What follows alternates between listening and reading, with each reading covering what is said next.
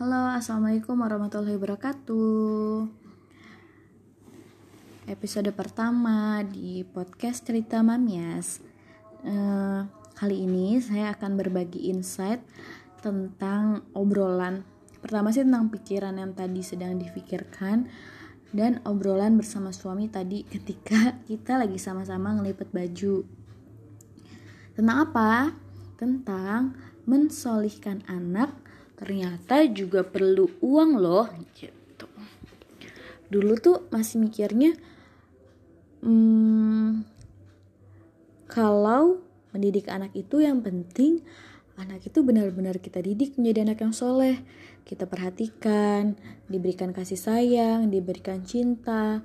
Pokoknya hmm, anak itu benar-benar cuman butuh cinta dan kasih sayang orang tuanya gitu.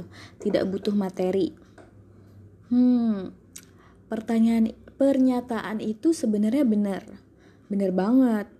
Uh, apalagi saya punya seorang putri, usianya baru tiga tahun kurang satu bulan. Hmm, dia benar-benar perlu yang namanya cinta dan kasih sayang dari orang tuanya. Dia belum begitu paham tuh tentang konsep uang gitu ya. Uh, mungkin kalau misalnya yang anaknya udah agak gede gitu ya, remaja, ya mereka tahu gitu mereka butuh uang. Kalau anak kecil kan enggak. Yang penting uh, kebetulan saya dipanggilnya mami uh, dan suami dipanggil abah. Jadi yang yang anak tahu ya orang tuanya itu uh, harus perhatian sama dia sayang sama dia dan sebagainya. Gitu. Jadi sebenarnya pemikiran itu bahwa anak itu hanya butuh kasih sayang dan cinta dari orang tuanya itu sebenarnya benar bener banget. Tapi tidak sepenuhnya benar gitu. Terasanya ketika ketika anak saya sudah memasuki usia usia toddler lah ya. Dia sudah uh, tumbuh gitu kan tidak terasa. Ternyata bahwa mensolihkan anak itu perlu biaya perlu katakanlah uang gitu ini kita nggak bahas tentang besar kecilnya uang ya. Kita baru bahas uang secara keseluruhan gitu. Yang namanya orang tua khususnya ayah gitu ya seorang suami e, berkewajiban untuk menafkahi keluarganya. Oke kita sepakat ya. E, saya pun juga sepakat bahwa rezeki tidak selalu berbentuk dengan uang. Rezeki itu bisa apa pun gitu ya. Keislaman kita tenangnya kita dalam beribadah uh, kita bisa menutup aurat kita bisa tidur nyenyak kita bisa makan kita bisa melihat bisa berjalan semua yang ada dalam hidup kita uh, merupakan rezeki dari Allah. Tapi yang sedang kita bahas saat ini adalah rezeki berupa uang yang Allah titipkan pada setiap orang tua katakanlah ayah ya. Atau bisa juga ayah dan ibu. Maka kita uh, da dalam rezeki uang yang Allah titipkan pada orang tua ada dua pilihan nih bagi orang tua. Pertama, rezeki uang itu bisa mensolihkan anak, bisa banget. Rezeki uang kita bisa mensolihkan anak. Tapi yang kedua, rezeki uh, rezeki uang kita bisa menjerumuskan anak. Jadi ada dua pilihan, mensolihkan anak atau menjerumuskan anak gitu ya. Nauzubillah min zalik ya, semoga kita uh, tidak tanpa sadar atau kita tidak terjebak pada pilihan kedua. Kita tidak terjebak pada menjerumuskan anak karena ada ada rezeki uang yang bisa menjerumuskan anak. Nah, ini yang akan kita uh, sedikit berbagi insight buat uh, saya pribadi maupun teman-teman semuanya ya. Yang pertama, kita bahas dulu uang yang menjerumuskan anak itu seperti apa. Oh, banyak kalau saya jujur saya masih orang tua baru. E, baru juga mau tiga tahun gitu ya. Jadi perlu banyak belajar. Pengalamannya belum banyak. Tapi setidaknya dari tiga tahun saya menjadi orang tua e, saya menemukan gitu ya ada ada kok rezeki uang yang bisa menjerumuskan anak. Contoh kasih anak gadget pribadi tanpa batasan lengkap dengan wifi minim pengawasan bisa. Kan kita nih yang beli gadgetnya ya. Kita yang pasang wifi gitu. Jadi uang itu kita bisa beli gadget. Oke katakanlah itu gadget kita tapi kita kasih ke anak. Lengkap dengan wifi-nya lengkap tanpa pengawasannya. Nah itu bisa menjerumuskan anak. Kalau kalau misalnya kita tidak bijaksana dalam ya screen time dengan kurang pengawasan dan sebagainya itu seperti apa lagi uang yang dapat menjerumuskan anak? Misalnya, kasih semua keinginan anak sampai anak tidak diedukasi bahwa semua tidak bisa terpenuhi saat itu juga. Uh, itu sederhananya ya, terutama bagi saya orang tua dengan uh, anak di bawah 3 tahun gitu. Setiap orang tua itu saya yakin sih yang namanya orang tua tuh pengen ngasih yang terbaik sama anaknya. Apa apa pun yang anaknya minta kalau bisa dikasih pasti orang tua kasih. Ya nggak sih? Naluri orang tua banget kan? Ya kayak gitu. Tapi ketika kita punya uang terus kita kita kasih apa pun yang anak mau tanpa batasan itu uang itu bisa menjadi bumerang gitu menjerumuskan anak. Betapa banyak orang tua yang akhirnya menyesal orang tua yang di akhirnya malah kebanyakan ribut sama anak karena ketika sudah dewasa, anak itu tidak bisa memahami mana kebutuhan, mana keinginan. Anak itu tidak bisa memahami bahwa setiap apa pun yang dia inginkan, dia perlu kerja keras, dia perlu tanggung jawab untuk mendapatkan apa yang diinginkan. Karena apa? Karena ketika kecil e, terbiasa apa pun yang dia mau dikasih sama orang tuanya. Kayak gitu. Tapi bisa juga uang menjerumuskan anak ketika orang tua sibuk bekerja mengumpulkan sebanyak-banyaknya uang sampai nggak sadar anak juga butuh perhatian. Nah ini juga salah. Uh, bagi saya sama suami gitu ya, walaupun kita uh, walaupun kita katakanlah belum mapan, kita belum uh, bisa beli apa-apa tanpa uh, kita belum bisa beli apa pun yang kita inginkan gitu maksudnya. Uh, tapi tetap yang namanya anak itu nomor satu. Kerja boleh kita kerja keras kita kerja cerdas tapi uh, anak dan keluarga itu tetap nomor satu. Kita perhatikan. Nah itu sedikit uh, gambaran tentang uang yang menjerumuskan anak. Tapi ada juga uang yang dapat mensolehkan anak. Nah gimana tuh? Uang dapat mensolehkan anak. Ini pun saya baru baru ngobrol tadi sama suami. Kalau tadi uang yang menjerumuskan anak adalah kasih anak gadget tanpa batasan tanpa batasan lengkap dengan wifi-nya gitu ya. Kebalikannya uang yang dapat mensolehkan anak gimana? Misalnya uh, kita beli uh, mainan uh, edukasi gitu ya. Supaya anak-anak kita aktif bermain, aktif bergerak, aktif eksplorasi, uh, senang belajar dan sebagainya gitu untuk meminimalisir gadget. Saya pun sebagai orang tua terasa gitu. Saya berniat untuk sangat sangat sangat meminimalisir screen time gitu. Saya tidak memusuhi tapi uh, berusaha untuk meminimalisir. Nah, di situ saya pun baru menyadari akhir-akhir ini bahwa kalau mau minimalisir gadget ya harus ada effortnya yang keluar dari orang tuanya gitu. Salah satunya uh, uang tadi. Di samping perlu niat ya perlu niat perlu ilmu perlu manajemen waktu yang baik dan sebagainya.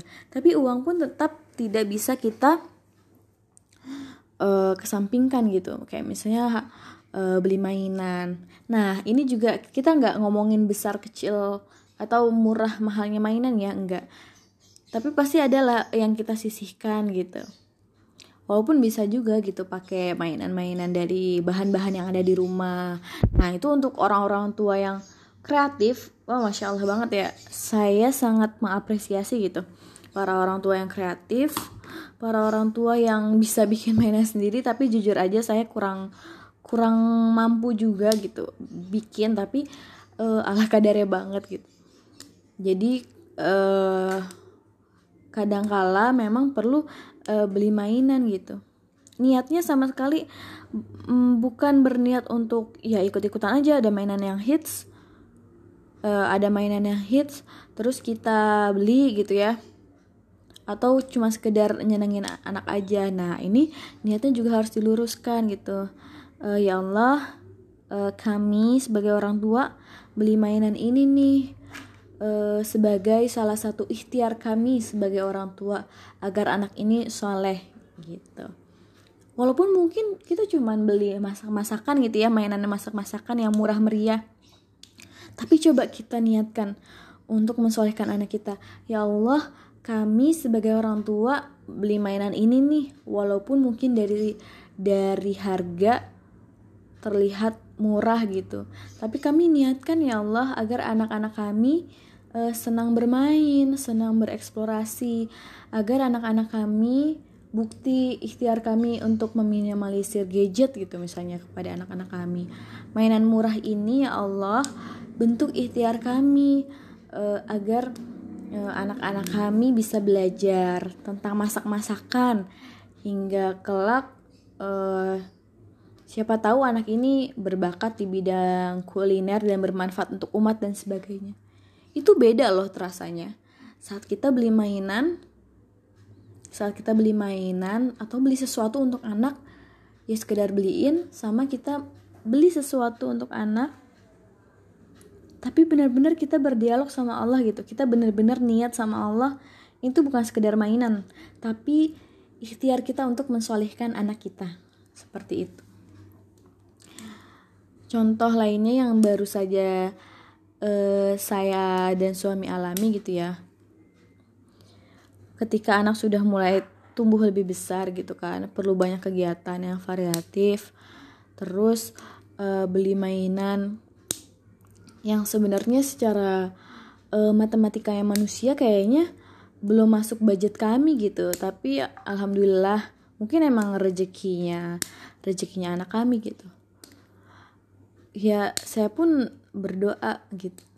Gitu ya Allah ini sebagai salah satu bentuk ikhtiar kami sebagai orang tua agar anak kami katakanlah saya kemarin baru uh, beli perosotan gitu ya sama kolam renang. Uh, ya Allah ini salah satu ikhtiar kami gitu agar anak kami sedang beraktivitas fisik agar kami ada agar anak kami sehat raganya gitu. Jadi muslimah yang solihah yang tangguh yang kelak bermanfaat gitu. Itu terasanya beda banget sama cuma sekedar beliin seneng gitu. Ya udah udah selesai sampai situ. Yang kedua pengalaman baru. Uh, ini baru banget. Mulai untuk memisahkan tempat tidur. Bukan memisahkan tempat tidur memisahkan kamar kami dengan anak gitu. Tadi juga bahas sama suami eh, ini memang perlu diniatkan banget sih karena Allah gitu. Karena untuk misah kamar sama anak itu juga ternyata saya pun baru nyadar uh, perlu modal. Misalnya beli kasur buat anak terus uh, beli barang-barang supaya uh, anak itu betah di kamarnya. Walaupun mungkin bagi sebagian orang tua uh, kamar kamar ya kamar yang kami kasih buat anak itu sederhana. Bukan dengan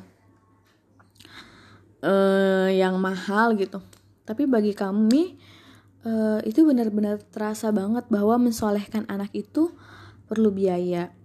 Pindah kamar itu termasuk bagian dari uh, tarbiyah jinsiah dalam Islam, pendidikan seks uh, dalam Islam di mana kami beru kami hanya berusaha gitu ya untuk um, mengedukasi anak kami kalau uh, sudah saatnya gitu ada kamar dia, ada kamar orang tuanya gitu.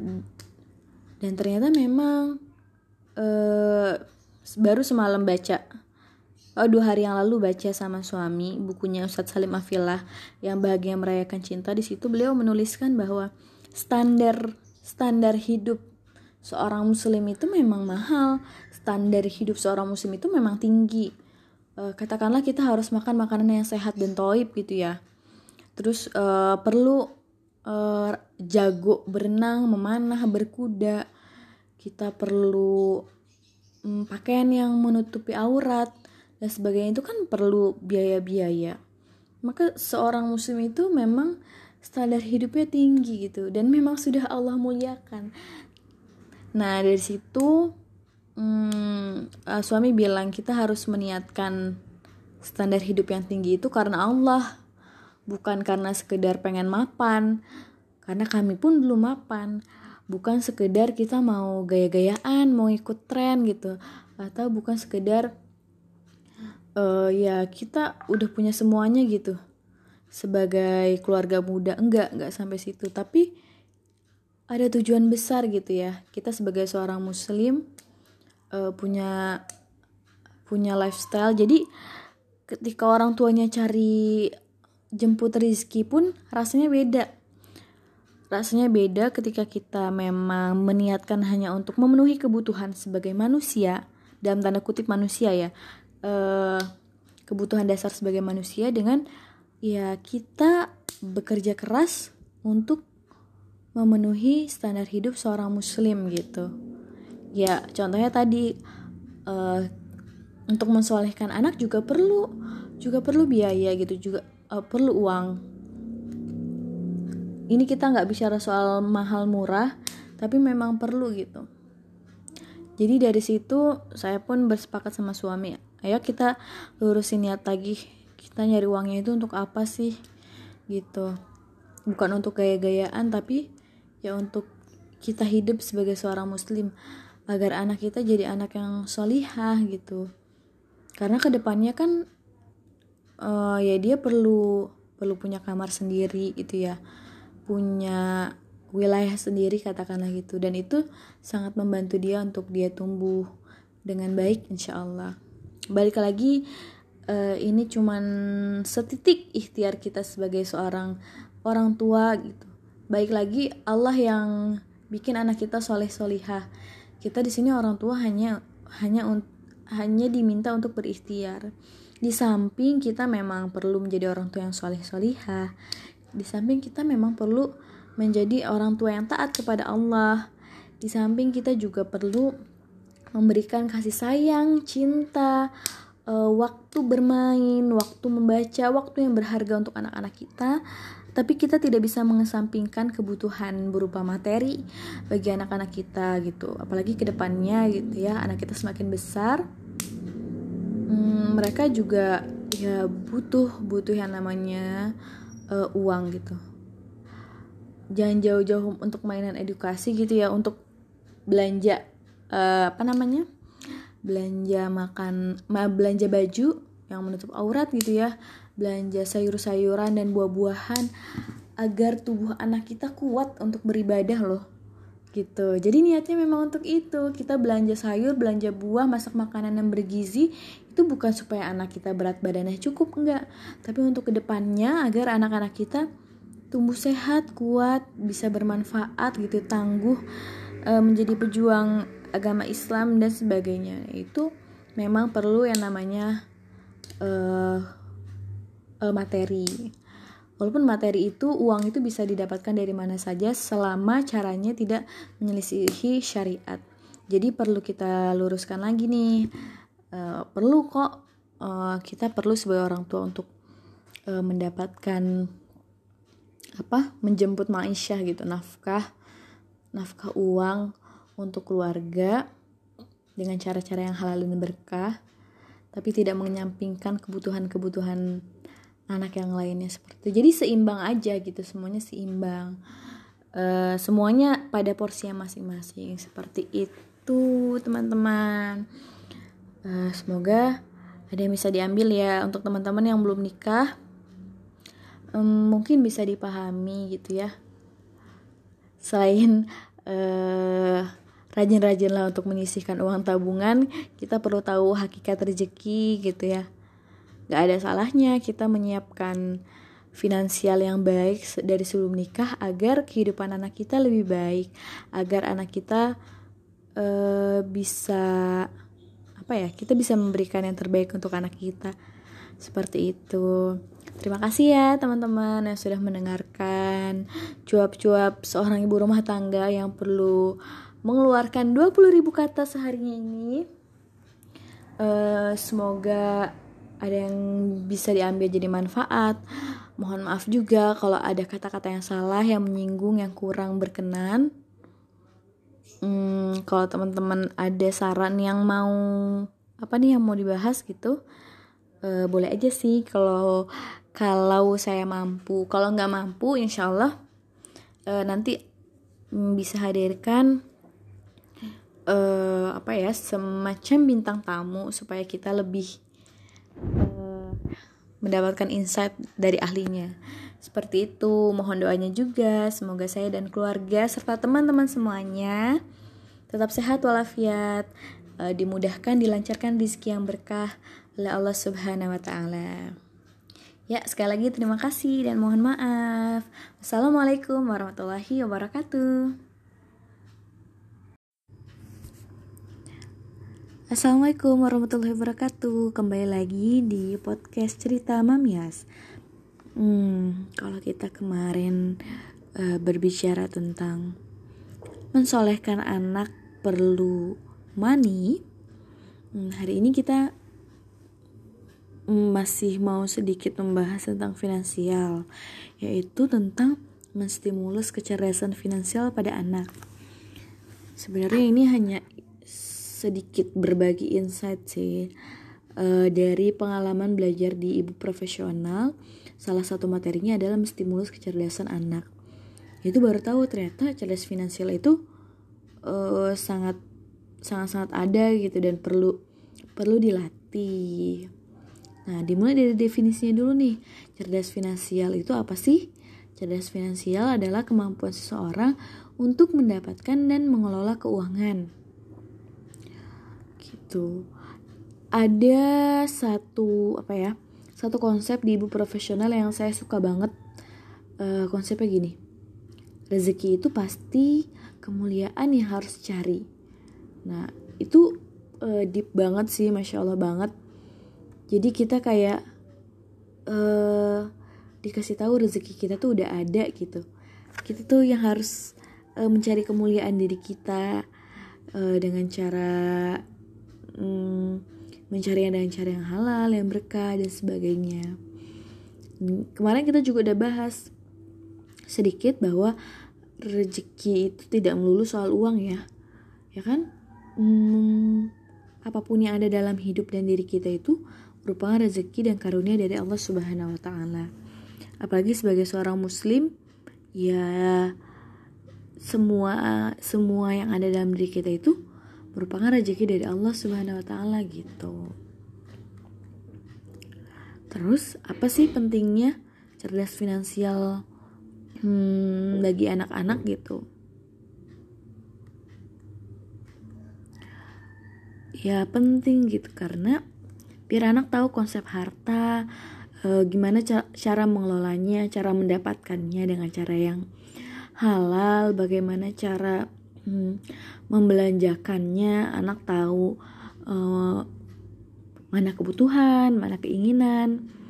Anak bertanggung jawab atas pengelolaan keuangan sendiri. Anak terbiasa merencanakan dan sebagainya. Terus uh, gimana cara menstimulus kecerdasan finansial pada anak? Uh, yang pertama, kita harus uh, dari dasarnya dulu nih, memahamkan pada anak bahwa rezeki itu datang dari sang pemberi rezeki yaitu uh, Allah Subhanahu wa taala.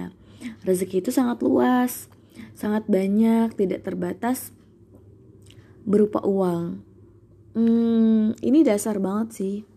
Bisa kita pahamkan kapan aja di mana saja lewat media mana saja bahkan e, tanpa media apa pun gitu. Maksudnya dengan kita ngobrol aja sama anak. Misalnya e, anak lagi makan atau mau makan. Hmm. masya allah ya nak.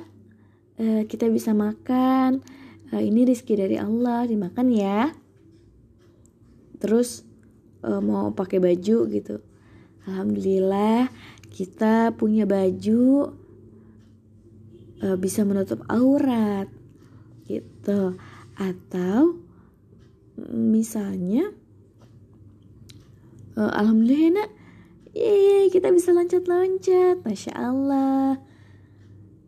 Loncat-loncat karena kaki kita ini. Ini kaki rizki dari Allah gitu. Allah yang menciptakan Allah yang memberikan. Seperti itu. Yang pertama itu sih yang di dasar kita harus uh, pahamkan dulu sama anak terus uh, ini juga yang bikin uh, kita jangan menyempitkan rizki anak itu dari orang tua atau gaji orang tua. Misalnya anak mau mainan. Mami mau mainan dong, mau beli mainan ini gitu kata Yasmin. Oh gitu. Berdoa dulu ya sama Allah gitu. Semoga nanti bisa belinya. Walaupun mungkin saya bisa beli saat itu gitu. Tapi ada pelajaran, ada value, ada ketauhidan juga yang kita ajarkan pada anak. Gitu. Yang kedua, ajak anak berdialog tentang arti kebutuhan dan keinginan. Kebutuhan kan adalah sesuatu yang tidak bisa kita tunda, sedangkan keinginan adalah sesuatu yang bisa ditunda. Contohnya kayak tadi, beli mainan, padahal baru kemarin beli mainan gitu. Atau memang lagi bukan prioritasnya kami sebagai orang tua membeli mainan. Oh teteh mau mainan ya? Maaf ya mami belum bisa beliin sekarang. Gitu. Teteh berdoa sama Allah gitu. Maaf mami nggak bisa kasih dulu mainan sekarang. Gitu. Tapi uh, saya menghindari kalimat yang uh, maaf ya nak uh, mami nggak bisa kasih mainan sekarang karena mami belum gajian gitu misal. Uh, atau karena abah belum gajian atau karena mami nggak punya uang gitu. Saya menghindari kalimat itu gitu. Karena kita jangan menyempitkan rezeki anak itu berupa uang gitu berupa uang orang tuanya apalagi berupa gaji padahal nggak seperti itu ya kan? Rezeki Allah itu luas terus yang ketiga bagaimana cara menstimulus kecerdasan finansial pada anak yaitu setelah paham dengan prioritas kebutuhan hidupnya maka latih anak untuk membuat mini budget sebagai bentuk latihan merencanakan berdasarkan skala prioritas. Ini bisa tiga harian, satu minggu atau satu bulan. Dan ini pun uh, untuk anak-anak yang sudah lebih besar, mungkin usia SD kelas ya SD kelas 1, kelas 3 mungkin ya sudah bisa dilatih seperti ini. Kalau Yasmin uh, belum bisa, masih sangat jauh banget. Tapi ini sekarang udah mulai dilatih sih karena dia jualan kan. Uh, jualan si petek jualan rengginang. Uh, kadang saya kasih uh, tanya gitu beberapa opsi. Teteh ini keuntungannya mau buat apa?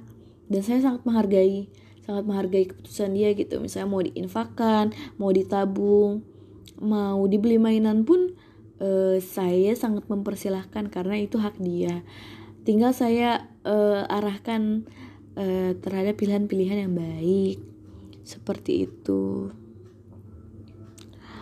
Yang keempat juga hampir sama anak dilatih mengelola pendapatan berdasarkan keuntungan yang diyakini oleh orang tua gitu. Ke, uh, berdasarkan ketentuan yang diyakini oleh orang tua.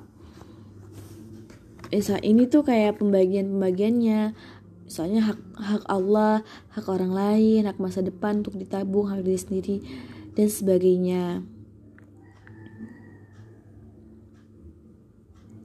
Terus, yang selanjutnya adalah memahamkan konsep orang tua bekerja yang selama ini keliru. Jadi, uh, saya perhatikan biasanya nih orang tua uh, gini. Orang tua itu kasih tahu anak bahwa kerja itu untuk mendapatkan uang. Kerja itu untuk mendapatkan gaji. Gaji sekian nanti keluar gaji, insya Allah bisa beli uh, sesuatu gitu mainan atau apa pun yang anak uh, inginkan padahal konsepnya tidak seperti itu gitu kalau saya dan suami itu lebih senang bilang bukan mencari rizki loh ya bukan mencari rizki tapi menjemput rizki dari Allah. Beda. Kalau mencari rizki itu seolah-olah cari terus sampai jor-joran sampai kadang lupa waktu.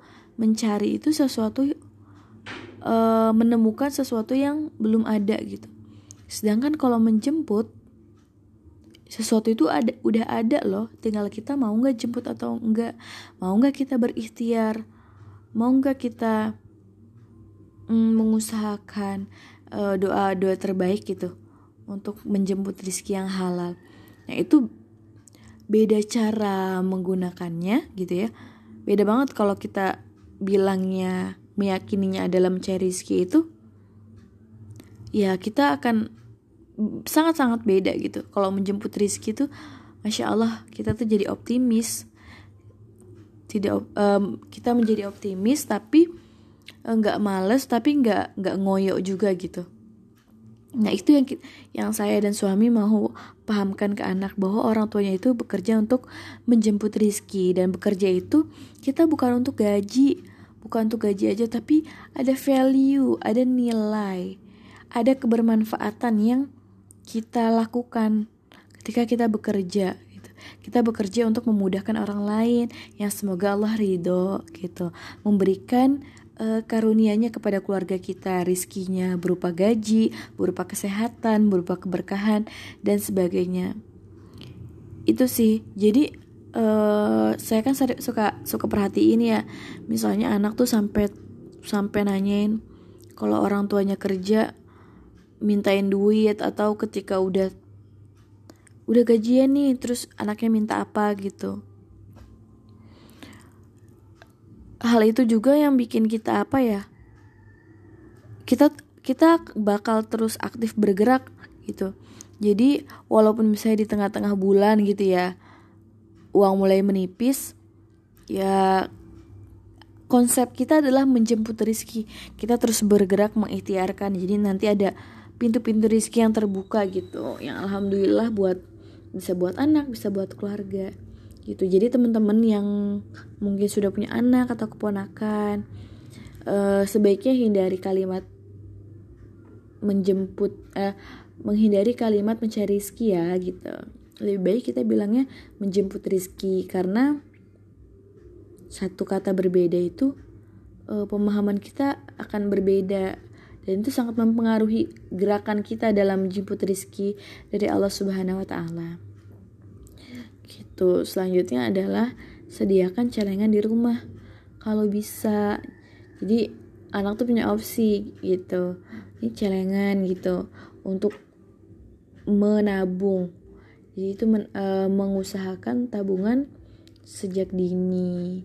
Gak hanya tabungan sih, alhamdulillah Yasmin juga udah udah pernah infak dari uang hasil jualannya itu sekitar berapa ya kemarin ya 400 ribu gitu deh uh, alhamdulillah kita sharing-sharing sedikit cerdas tentang cerdas finansial untuk anak untuk diri kita juga sih terutama orang dewasa orang tua gitu.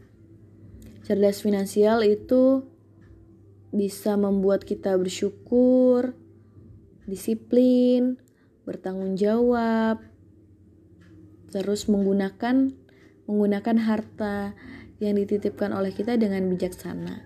Seperti itu. Semangat ya semuanya. Kalau misalnya ada eh, saran atau kritik bisa eh, DM DM saya di @sarahfbahri. Uh, semoga kita bisa saling memberikan insight-insight positif gitu. Sampai jumpa semuanya. Semangat ya hari ini. Semoga Allah memberikan uh, rizkinya berupa kesehatan, keselamatan, keberkahan. Semangat dalam melakukan kebaikan. Terima kasih atas uh, perhatiannya udah dengerin. Mohon maaf sekali lagi ya apabila ada kesalahan dan kekurangan. Assalamualaikum warahmatullahi wabarakatuh.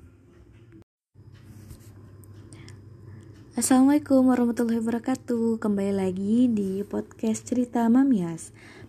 Hmm, kalau kita kemarin uh, berbicara tentang mensolehkan anak perlu money hmm, Hari ini kita masih mau sedikit membahas tentang finansial Yaitu tentang menstimulus kecerdasan finansial pada anak.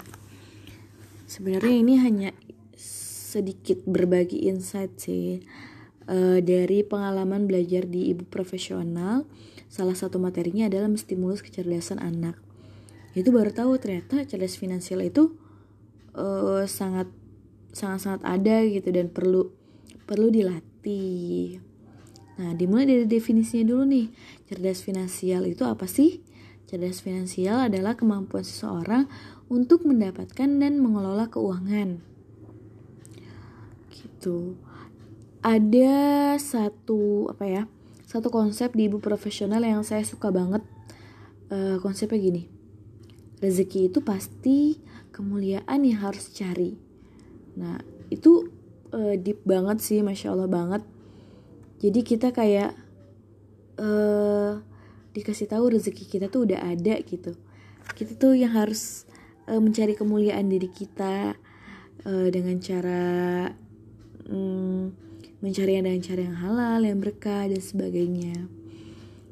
Kemarin kita juga udah bahas sedikit bahwa rezeki itu tidak melulu soal uang ya, ya kan?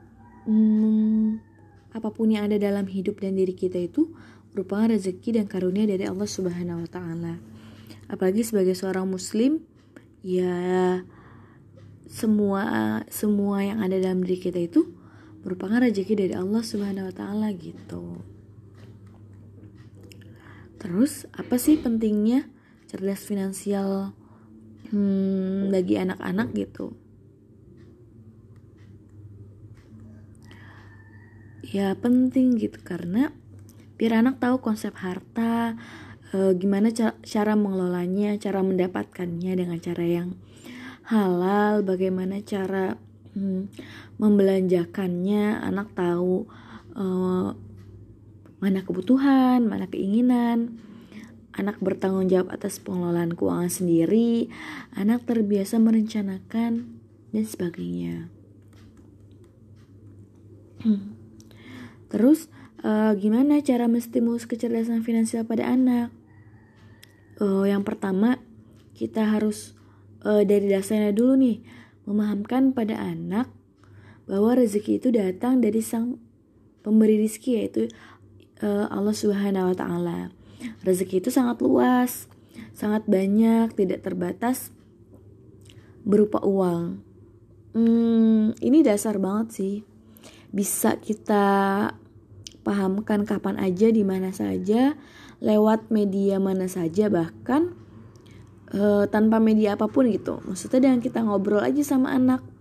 Misalnya uh, anak lagi makan atau mau makan. Hmm. masya allah ya nak. Uh, kita bisa makan. Uh, ini rizki dari Allah dimakan ya. Terus uh, mau pakai baju gitu. Alhamdulillah kita punya baju bisa menutup aurat gitu. Atau misalnya uh, alhamdulillah nak. Yeay, kita bisa loncat-loncat. Masya Allah. Loncat-loncat arah kaki kita ini ini kaki rizki dari Allah gitu. Allah yang menciptakan Allah yang memberikan. Seperti itu. Yang pertama itu sih yang di dasar kita harus uh, pahamkan dulu sama anak. Terus uh, ini juga yang bikin uh, kita jangan menyempitkan rizki anak itu dari orang tua atau gaji orang tua. Misalnya anak mau mainan. Mami mau mainan dong mau beli mainan ini gitu kata Yasmin. Oh gitu. Berdoa dulu ya sama Allah gitu Semoga nanti bisa belinya. Walaupun mungkin saya bisa beli saat itu gitu. Tapi ada pelajaran, ada value, ada ketauhidan juga yang kita ajarkan pada anak. Gitu. Yang kedua, ajak anak berdialog tentang arti kebutuhan dan keinginan. Kebutuhan kan adalah sesuatu yang tidak bisa kita tunda, sedangkan keinginan adalah sesuatu yang bisa ditunda. Contohnya kayak tadi, beli mainan padahal baru kemarin beli mainan gitu. Atau memang lagi bukan prioritasnya kami sebagai orang tua membeli mainan. Oh teteh mau mainan ya? Maaf ya mami belum bisa beliin sekarang gitu. Kita berdoa sama Allah gitu. Maaf mami nggak bisa kasih dulu mainan sekarang gitu.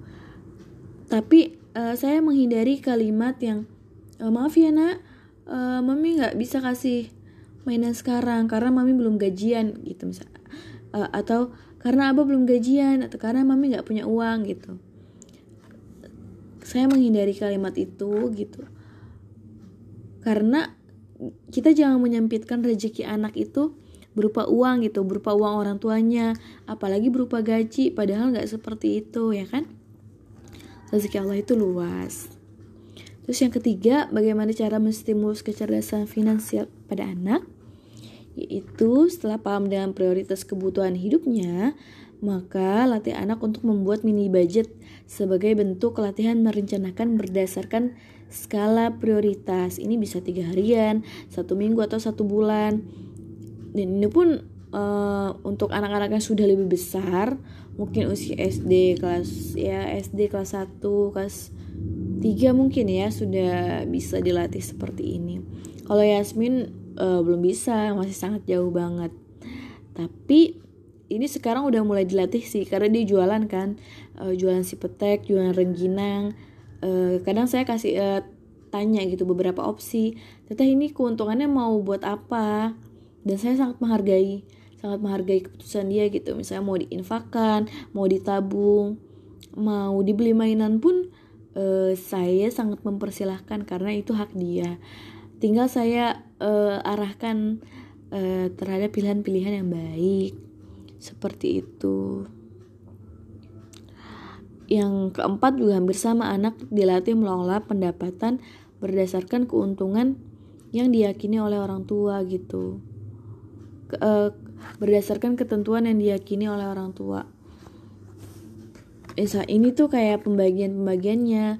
Misalnya hak hak Allah, hak orang lain, hak masa depan untuk ditabung, hak diri sendiri dan sebagainya. Terus yang selanjutnya adalah memahamkan konsep orang tua bekerja yang selama ini keliru. Jadi uh, saya perhatikan biasanya nih orang tua uh, gini orang tua itu kasih tahu anak bahwa kerja itu untuk mendapatkan uang kerja itu untuk mendapatkan gaji. Gaji sekian nanti keluar gaji insya Allah bisa beli uh, sesuatu gitu mainan atau apa pun yang anak uh, inginkan.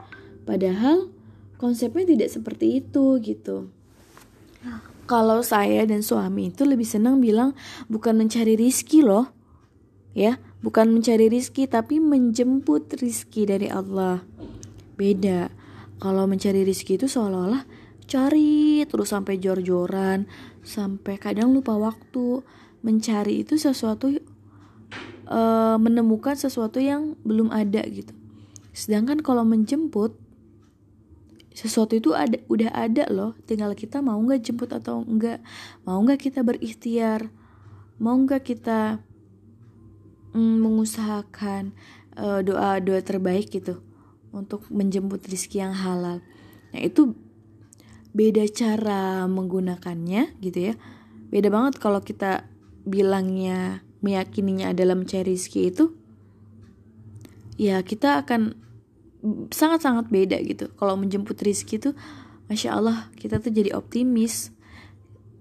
Tidak um, kita menjadi optimis tapi nggak males tapi nggak nggak ngoyo juga gitu nah itu yang yang saya dan suami mau pahamkan ke anak bahwa orang tuanya itu bekerja untuk menjemput rizki dan bekerja itu kita bukan untuk gaji bukan untuk gaji aja tapi ada value ada nilai ada kebermanfaatan yang kita lakukan ketika kita bekerja gitu.